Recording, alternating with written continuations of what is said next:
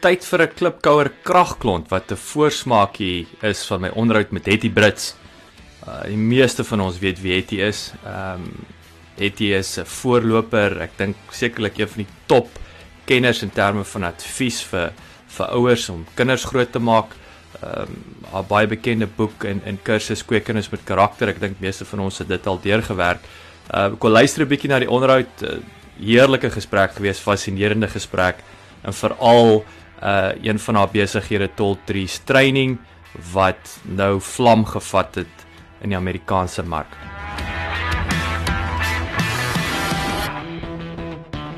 Klipkouers waar ons elke week met Afrikaner entrepreneurs en impakmakers gesels ten einde die beste praktiese besigheids- en lewensadvies met jou te deel. Jou gasheer en mede-klipkouer, Jacques Basson.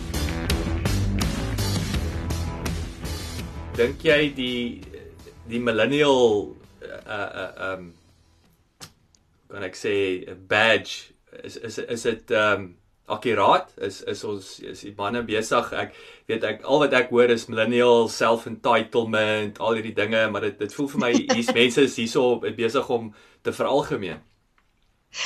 Ehm um, ja, ja en nee. Ons sien ons sien dat ehm um, as ons kyk as, elke keer as ons 'n paar duisend tieners gedoen het, dan kyk Annetjie bietjie na na die statistiek en dan kyk sy bietjie hoeveel persent kinders toets nou hoe. En ons kan sien hoe profile skuif hoor. Ehm um, van 'n baie meer van 'n werksgeoriënteerde profiel onder die tieners na 'n baie meer mensgeoriënteerde profiel. Nou 'n mensgeoriënteerde profiel gaan beleef word in die werksplek as iemand wat net wil koffie drink en wil, jy weet wat in 'n kantoor wil werk soos Google sinne. Jy weet wat in die hangmat wil lê en daar sy kreatiewe idees wil opdroom. Ja. So hulle is nie heeltemal verkeerd nie, maar dis versekerde oor veralgemening. Ehm um, want jy kry nog altyd jou al jou persoonlikhede wel verteenwoordig, maar ons sien daai persentasie skuif en oor 'n paar jaar hoop ons sal Toltries genoeg duisende toetse hê van reg oor die wêreld om daai tipe vrae te kan beantwoord en te kan sê hoe verander ons um, werksprofiel, hoe verander ons sosiaal en hoe verander ons waardesisteem in ons lewens uitkyk. Dit sal woes opwindend wees. Want ek moes nou vir hierdie boek oor die oor unentitled teens moes ek bietjie die millennials en die centennials met mekaar vergelyk want ons is ons die millennials is mos nou klaar groot. Ons worry nou nie meer oor hulle nie.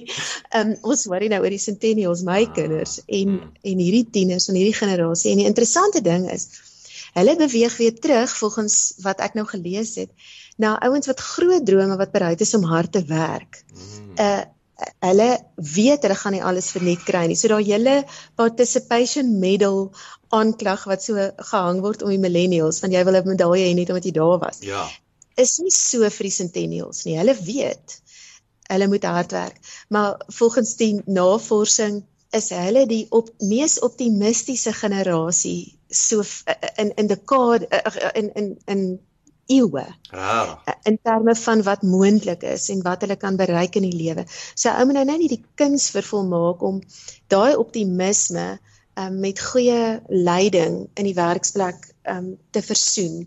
Want die die krisis wat hulle wel identifiseer is die ehm um, die die slimfoonverslawing en die slimfoon as die hoogste gesag.